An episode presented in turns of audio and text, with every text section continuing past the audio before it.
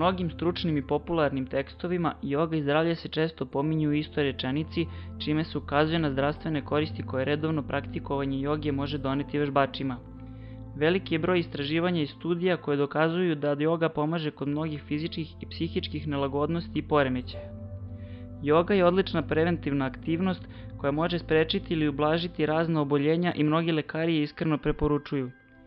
Bez obzira koliki manjak kondicije, energije, snage i fleksibilnosti osjećate, joga vam može pomoći da svoje trenutno stanje drastično popravite. Moj današnji sagovornik je Mirta, instruktor joge sa kojom ćemo o tome i pričati. Zdravo i dobrodošla. Zdravo, hvala ti što si me pozvao. E, reci mi kako uopšte da, da izabereš jogu kao interesovanje? E, pa pre svega, pre jedno deset godina krenula sam da čitam o psihologiji i o sličnim temama koji mi pomažu da unapredim sebe. U tom periodu sam bila tineđer i onda su mi to bile bitne stvari.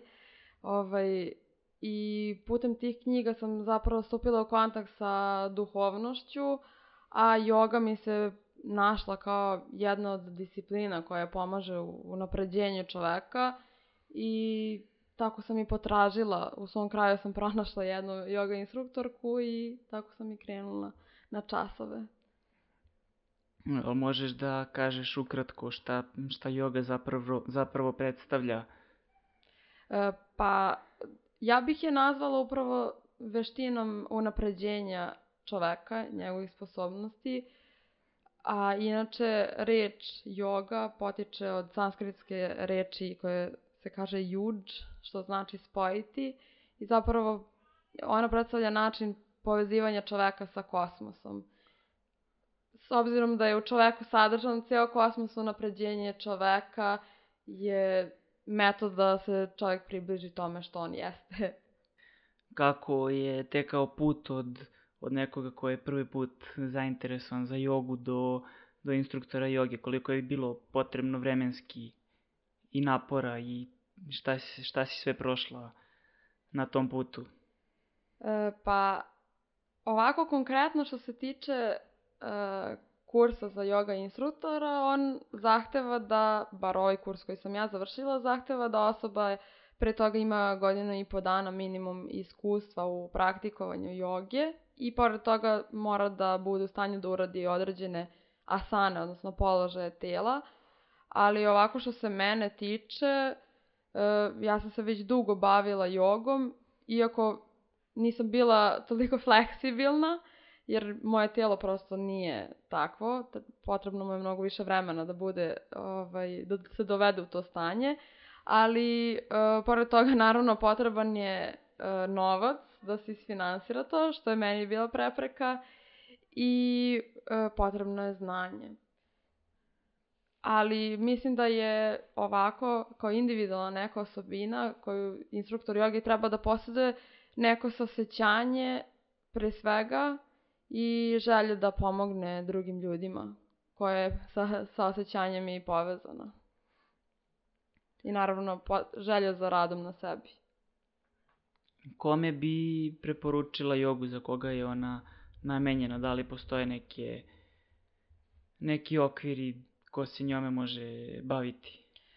Pa u suštini joga ja bih preporučila svakome, zato što znam koliko je lekovita i uh, Znam da svako može da ima benefite od nje, a drugo, druga stvar je ta da je yoga jako prilagodljiva. Dakle, osoba koja ima uh, fizičke poteškoće, neke, uh, ne znam, neke invaliditete, koja je stara, koja je, bilo ko može da se bavi jogom. Uh, ali kome bi posebno preporučila, pa preporučila bi svakome, nema, nema toga, zato što uh, joga može da pomogne čoveku od mentalnog do fizičkog nivoa, do duhovnog, bukvalno na svakom nivou bića, tako da kogod da osjeća potrebu, a i oni koji ne osjeća. da li početi sa, sa jogom ukoliko nemamo tu fleksibilnost? Pa za malo pre sam rekla da ja nisam bila fleksibilna kada sam krenula na kurs, ovaj, tako da, uh, može čovjek da se bavi jogom iako nije fleksibilan, ali uh, vremenom će razviti fleksibilnost svakako. Potrebno je vreme, muškarcima treba duže vremena uglavnom nego ženama, ali to uopšte nije preduslov, zato što uglavnom položaji koje vidimo, koji izgledaju onako senzacionalno, mogu da se zamene nekim drugim položajima koji imaju e, odlične efekte.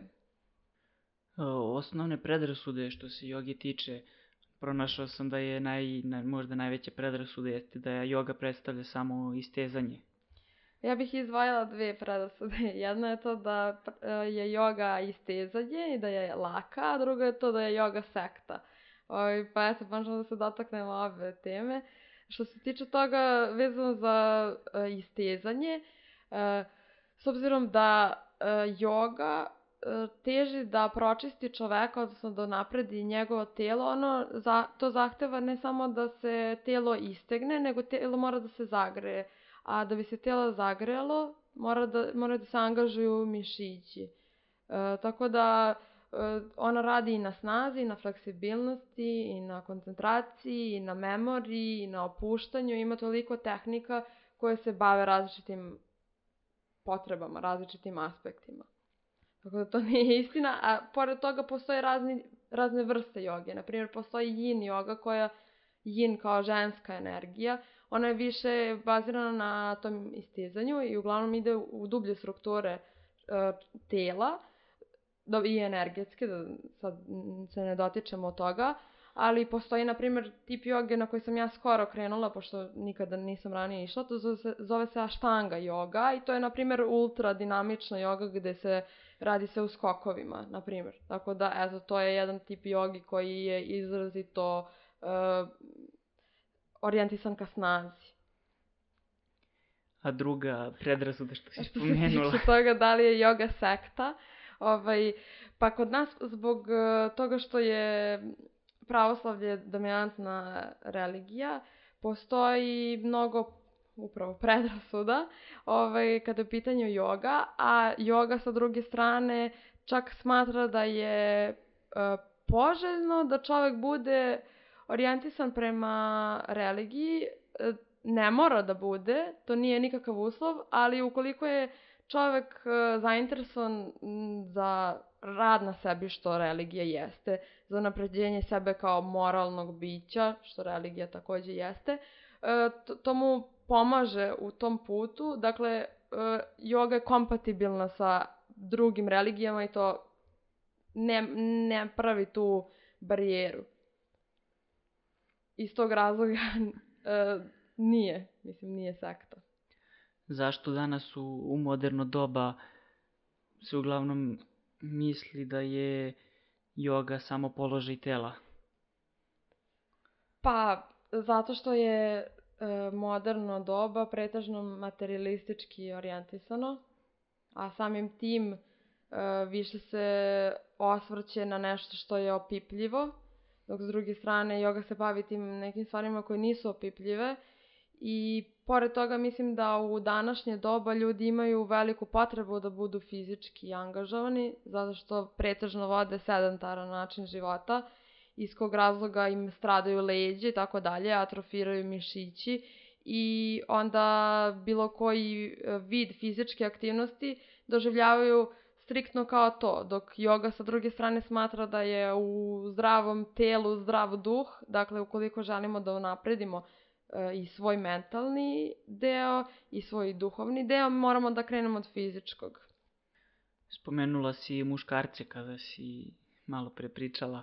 Uh mhm. -huh. Da li i u kojoj meri muškarci trebaju da praktikuju jogu? Pa, pre svega, e, ja volim da kažem da je joga u svom nastanku, znači tradicionalno, bila muška veština, a to ne znači da su samo muškarci vežbali, ali samo su muškarci bili učitelji. Znači, pretežno su se muškarci bavili jogom.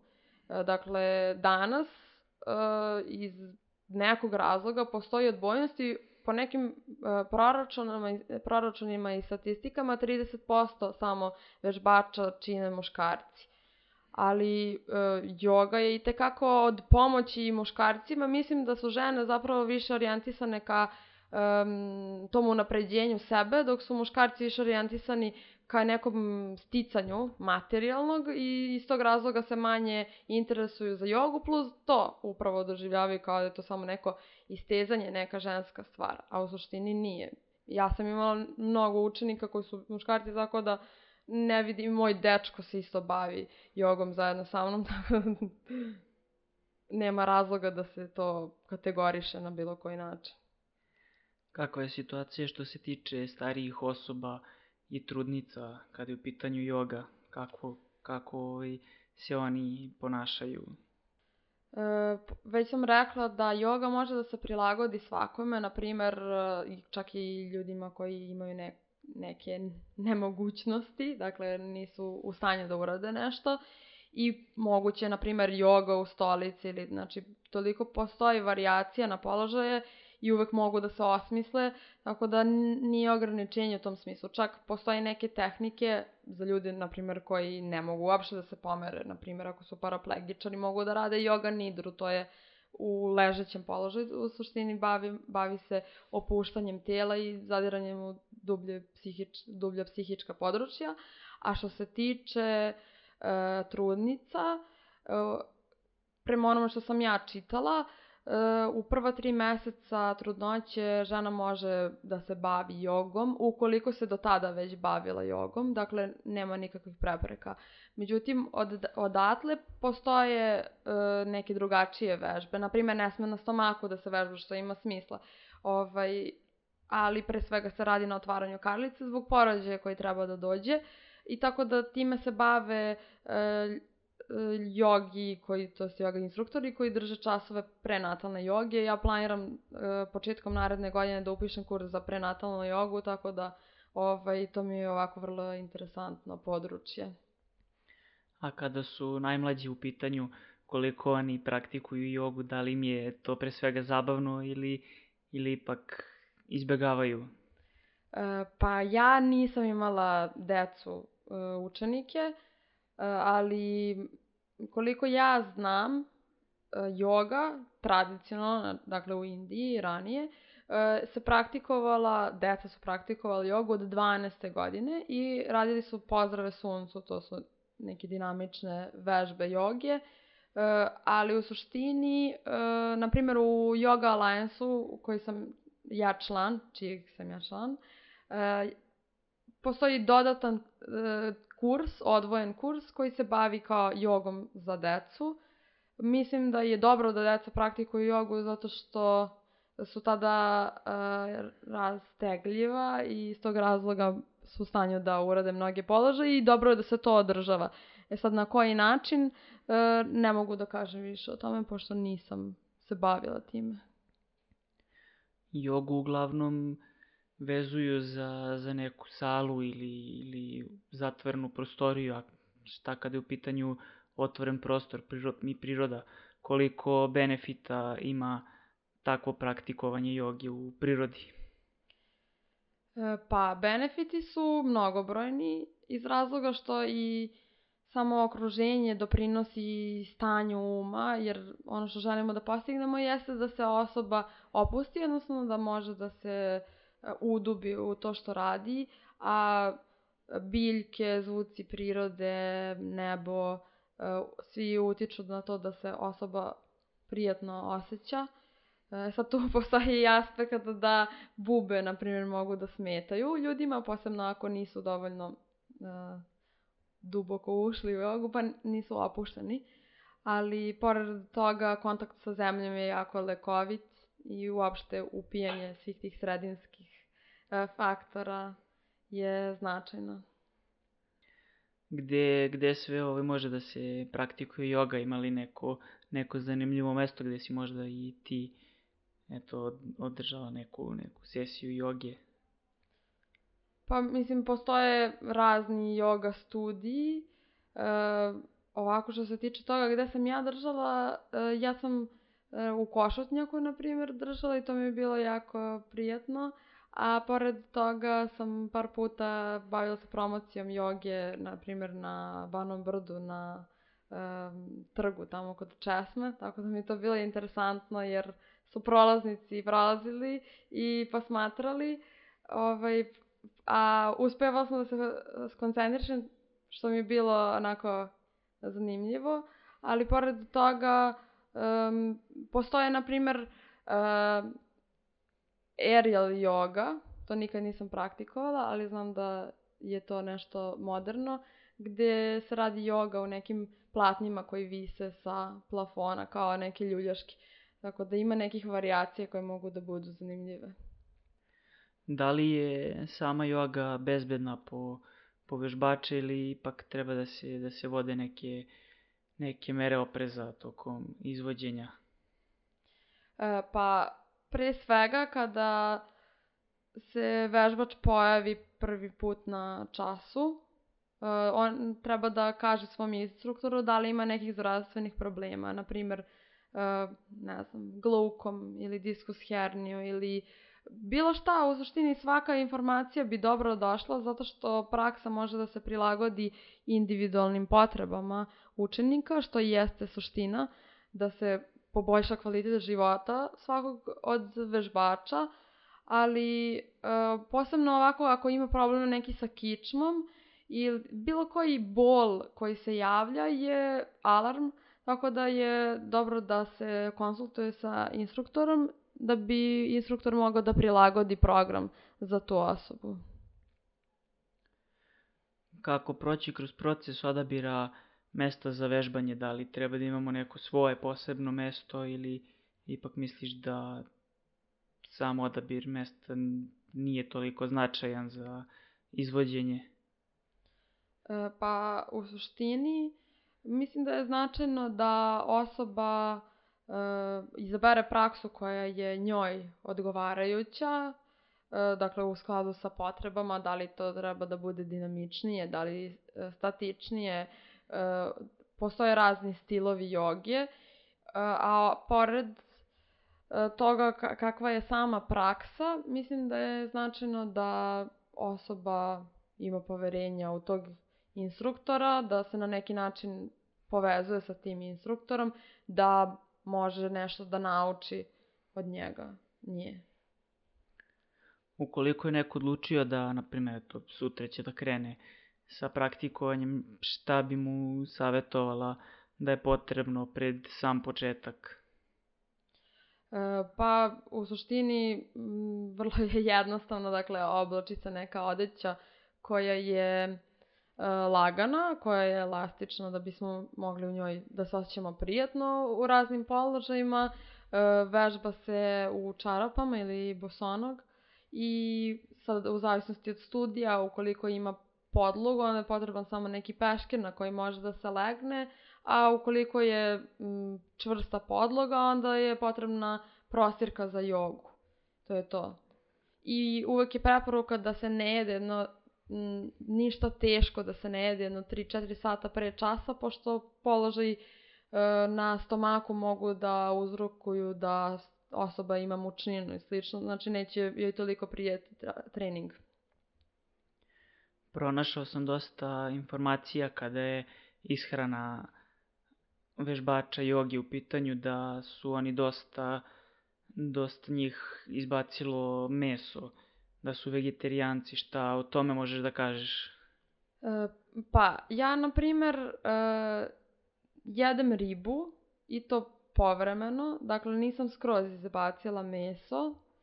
E, što se toga tiče,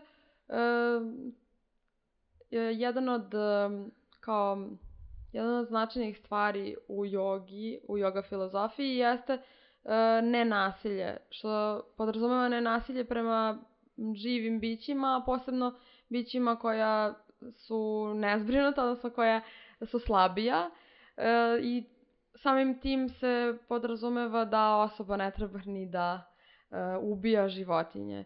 Međutim, e, ja jedem ribu zato što smatram da kao antropolog smatram da su ljudi uvijek živeli e, u, u blizini izvora vode i da su samim tim uvek imali ribu i da je to bio jedan od značajnih e, delova njihove ishrane i s obzirom da navodno B12 e, e, ne može da se e, pronađe ni u jednoj drugoj vrsti hrane e, pored ribe.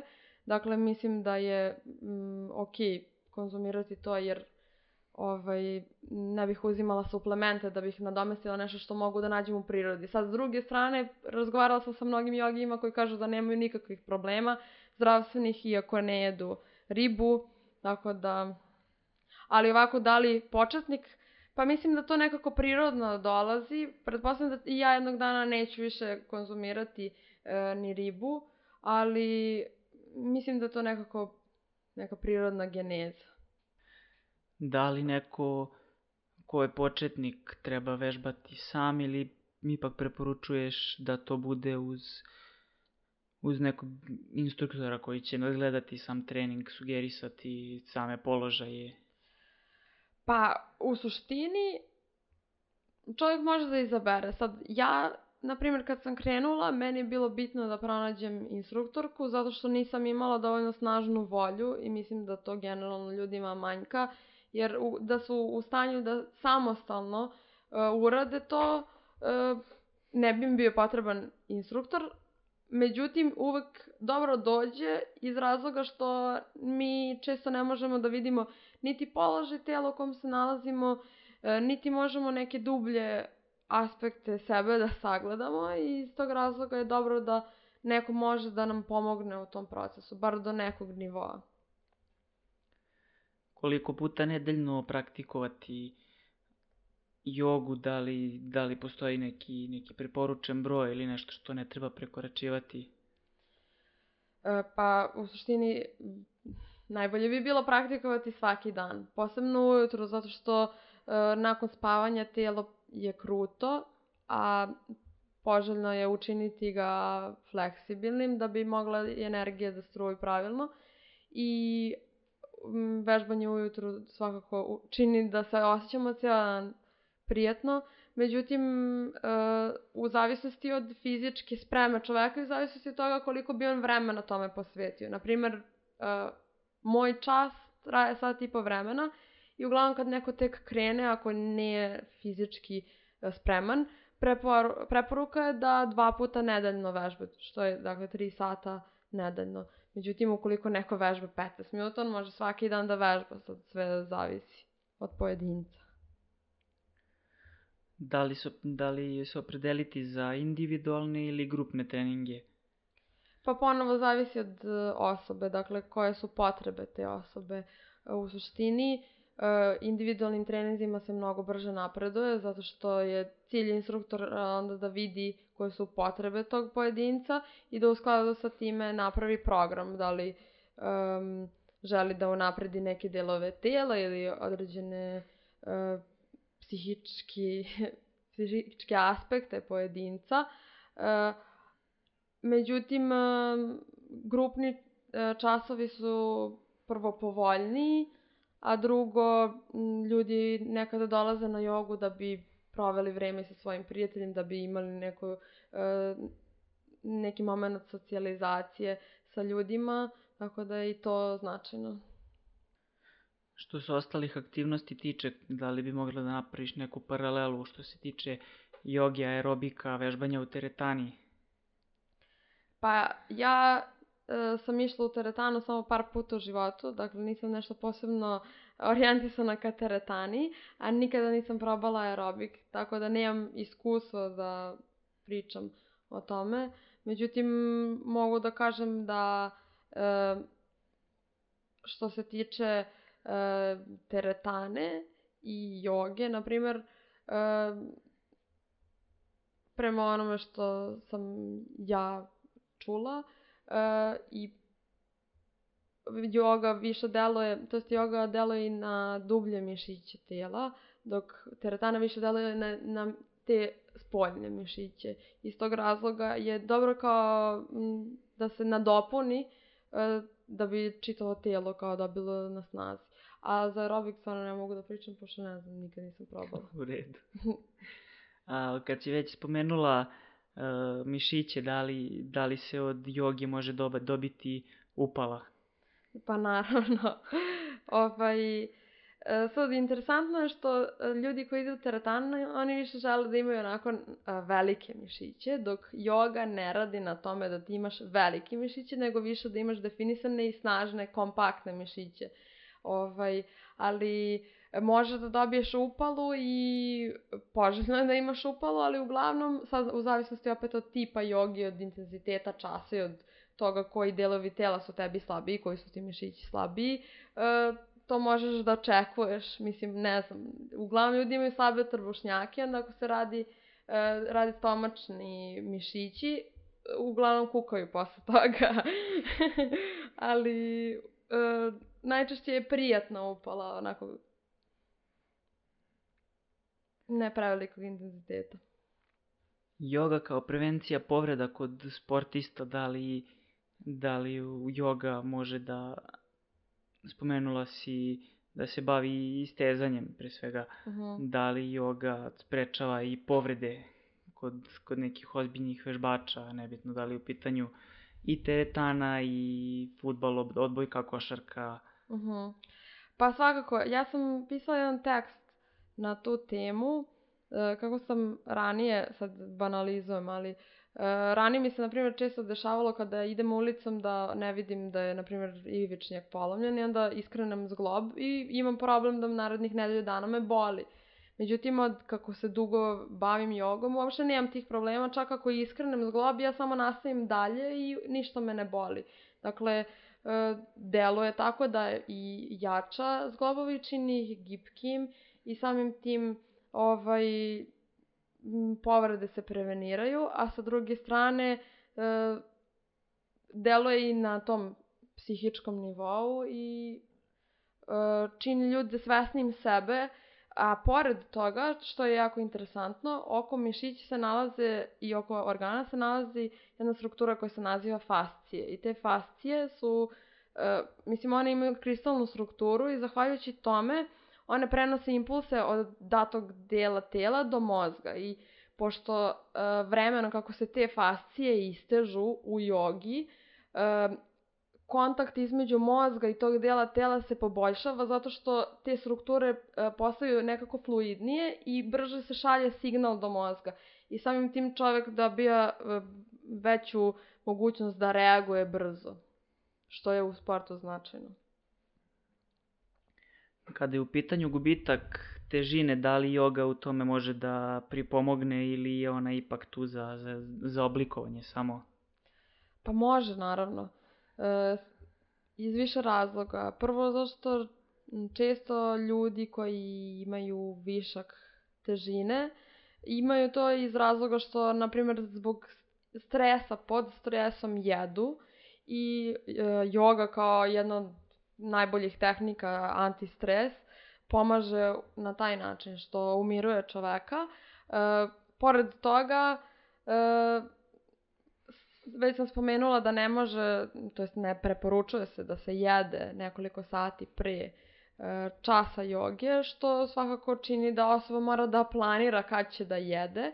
Ovaj, i, I sad joga se inače kombinuje sa ajurvedom koja preporučuje doba dana kada se jede i kada je najviše aktivna želudačna kiselina i slično. E, a, a svakako da fizičke vežbe pomažu čoveku da smrša. Moram da se nadovežem. Uh -huh. Da li to vežbanje onda iscrpi pa onda unese dodatno, da li, da li bi možda bilo da li je Razumem situacija, situacija možda ipak nekako se vrati, pa je sve jedno da li uneo pre toga ili posle toga ipak unese istu količinu.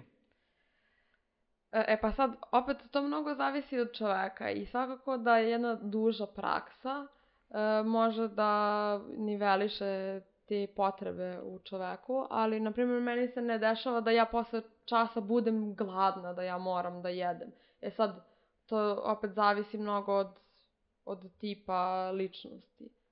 Da, jer ipak 2-3 sata pred, pred sam trening i eto sat vremena da uzmemo kao primer. Uh -huh. Sat vremena vežbanja joge, to je ipak 4 sata, malo je ipak vremenski, a opet neki napor se, se Da. uzima Ali htjela sam još da dodam to da e, zbog toga što yoga e, povećava svijest čoveka o njegovom telu i samim tim i pritom postiče čoveka da sagledava samog sebe. I iz tog razloga onda čovjek može da primeti da li on jede samo da bi zadovoljio taj neki trip u svojoj glavi, razumeš? Ili, ili jede zato što je zaista gladan. Možda ima potrebu da pije vodu, na primjer, često to se to da, dešava. Da, to sam hteo da, da dodam, ovo, jer pričamo sve vreme o hrani, a gde je tu voda? Na primjer, ne preporučuje se da se pije voda za vreme časa, niti pola sata posle, niti se hrana unosi pola sata posle časa. Super. uh, jogu pre spavanja, da li bi, da li bi preporučila, da li, da li praktikuješ i ti možda pred, pred spavanje to neko opuštanje i stezanje? E, pa svakako, mislim, sad zavisi uh, opet uh, koja vrsta joge. Dakle, postoje uh, kao što sam spomenula već aštanga yoga koja je jako energična, na primjer, a pored toga i bilo koji čas može da se prilagodi. E, ja, na primjer, pošto držim časove uveče, ja uvek prvu polovinu časa činim da bude intenzivnija ili više od toga, e, a posle toga sledi opuštanje.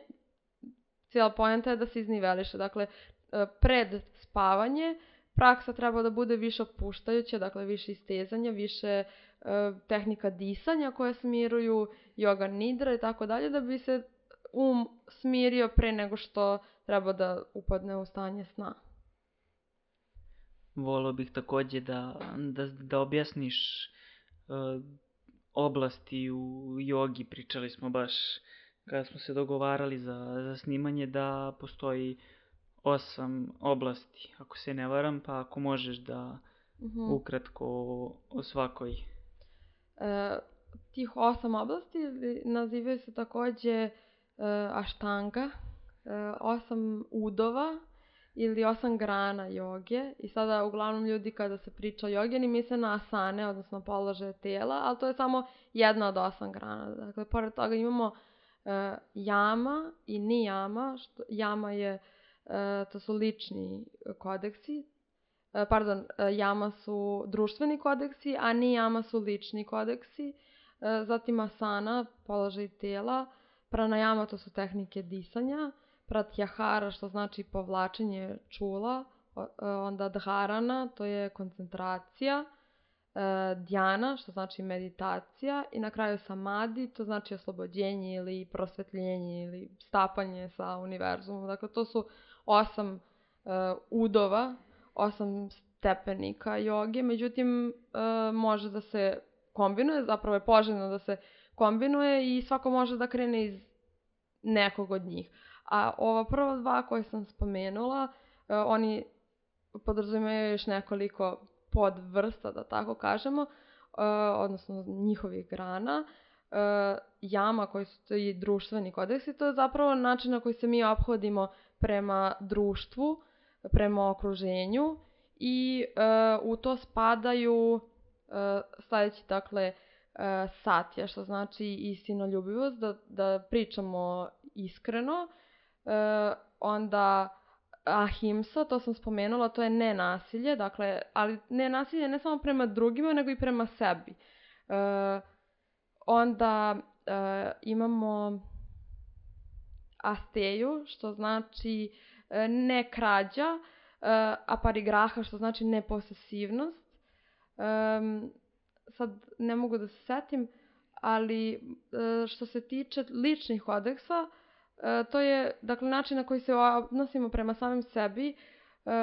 S jedne strane imamo čistotu kao i da održavamo svoje telo čistim i svoju sredinu.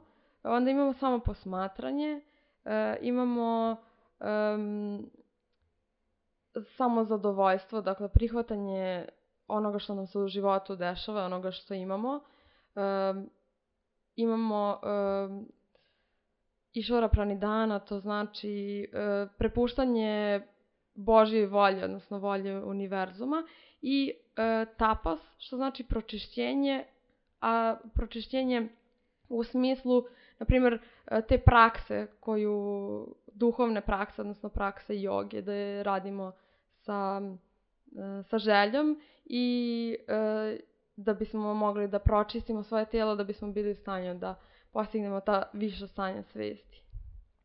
Tako to, je, to su tih osam udova jogi. I o svakom od njih možeš mnogo da se govori.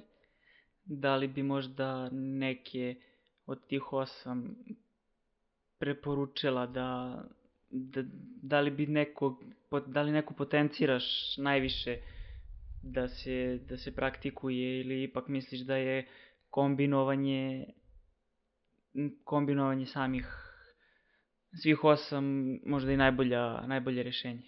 Pa ja mislim da je kombinovanje svakako najbolje rešenje, međutim postoji na primjer periode života za koje se preporučuju neke od tih. Na primjer, u periodu do 25. godine se uglavnom preporučuju samo položaj tela sa malim primesama, na primjer tehnika disanja. Od 25. se preporučuju tehnike disanja pretežno i posle se preporučuje meditacija, odnosno djana, e, a sve iz razloga što određeni periodi života e, su obeleženi određenom vrstom energije, da tako kažem. Onda, na primjer, kada je čovek mlad, on ima mnogo fizičke energije, iz tog razloga da bi umirio um, on mora da potroši tu fizičku energiju.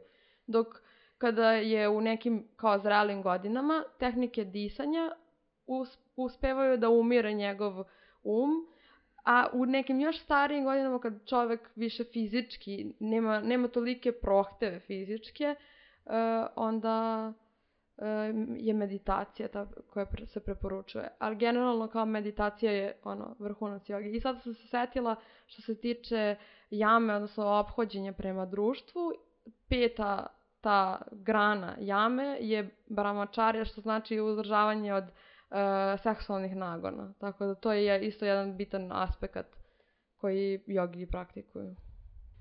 Pronašao sam osim tih osam grana i i dva pojma, pa ako bi o njima nešto mogla, u pitanju su hata i vinjasa.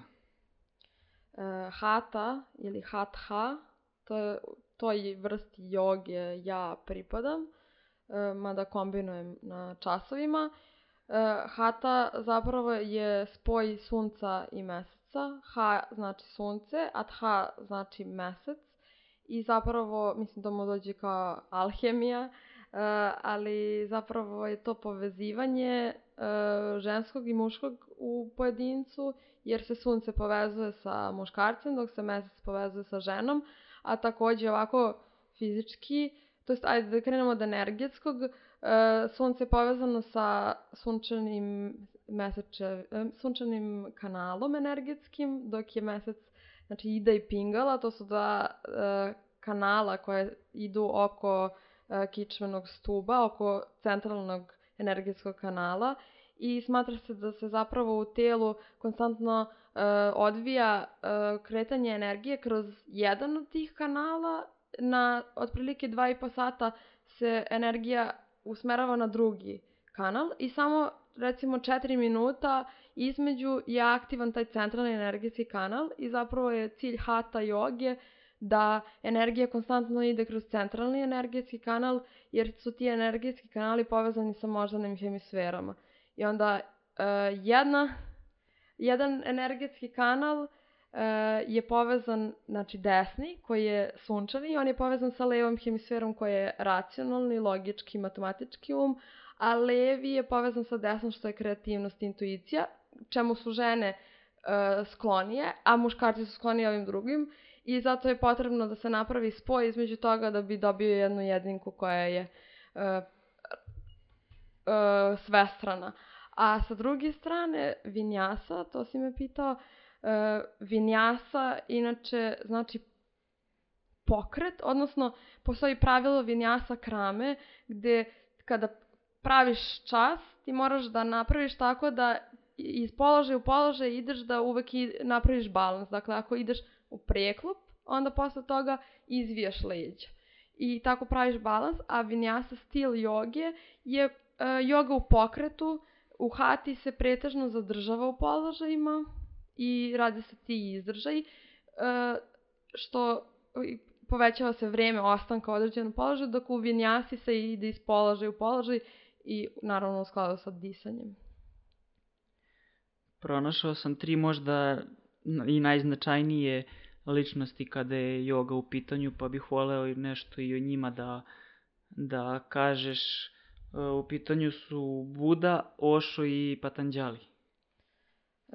Pa Buda, mislim, pretpostavljam da slušalci znaju ko je Buda, on je značan e, jer je na osnovu njegovog učenja nastao budizam, a smatra se da je budizam u velikoj meri uticao na jogu kako je poznajemo danas i to putem Yoga Sutri koje je, za koje se smatra da je Patanjali tvorac. Dakle, e, budizam je uticao na Yoga Sutre, a današnja yoga je najviše kao svoj glavni tekst uzima Yoga Sutre. E,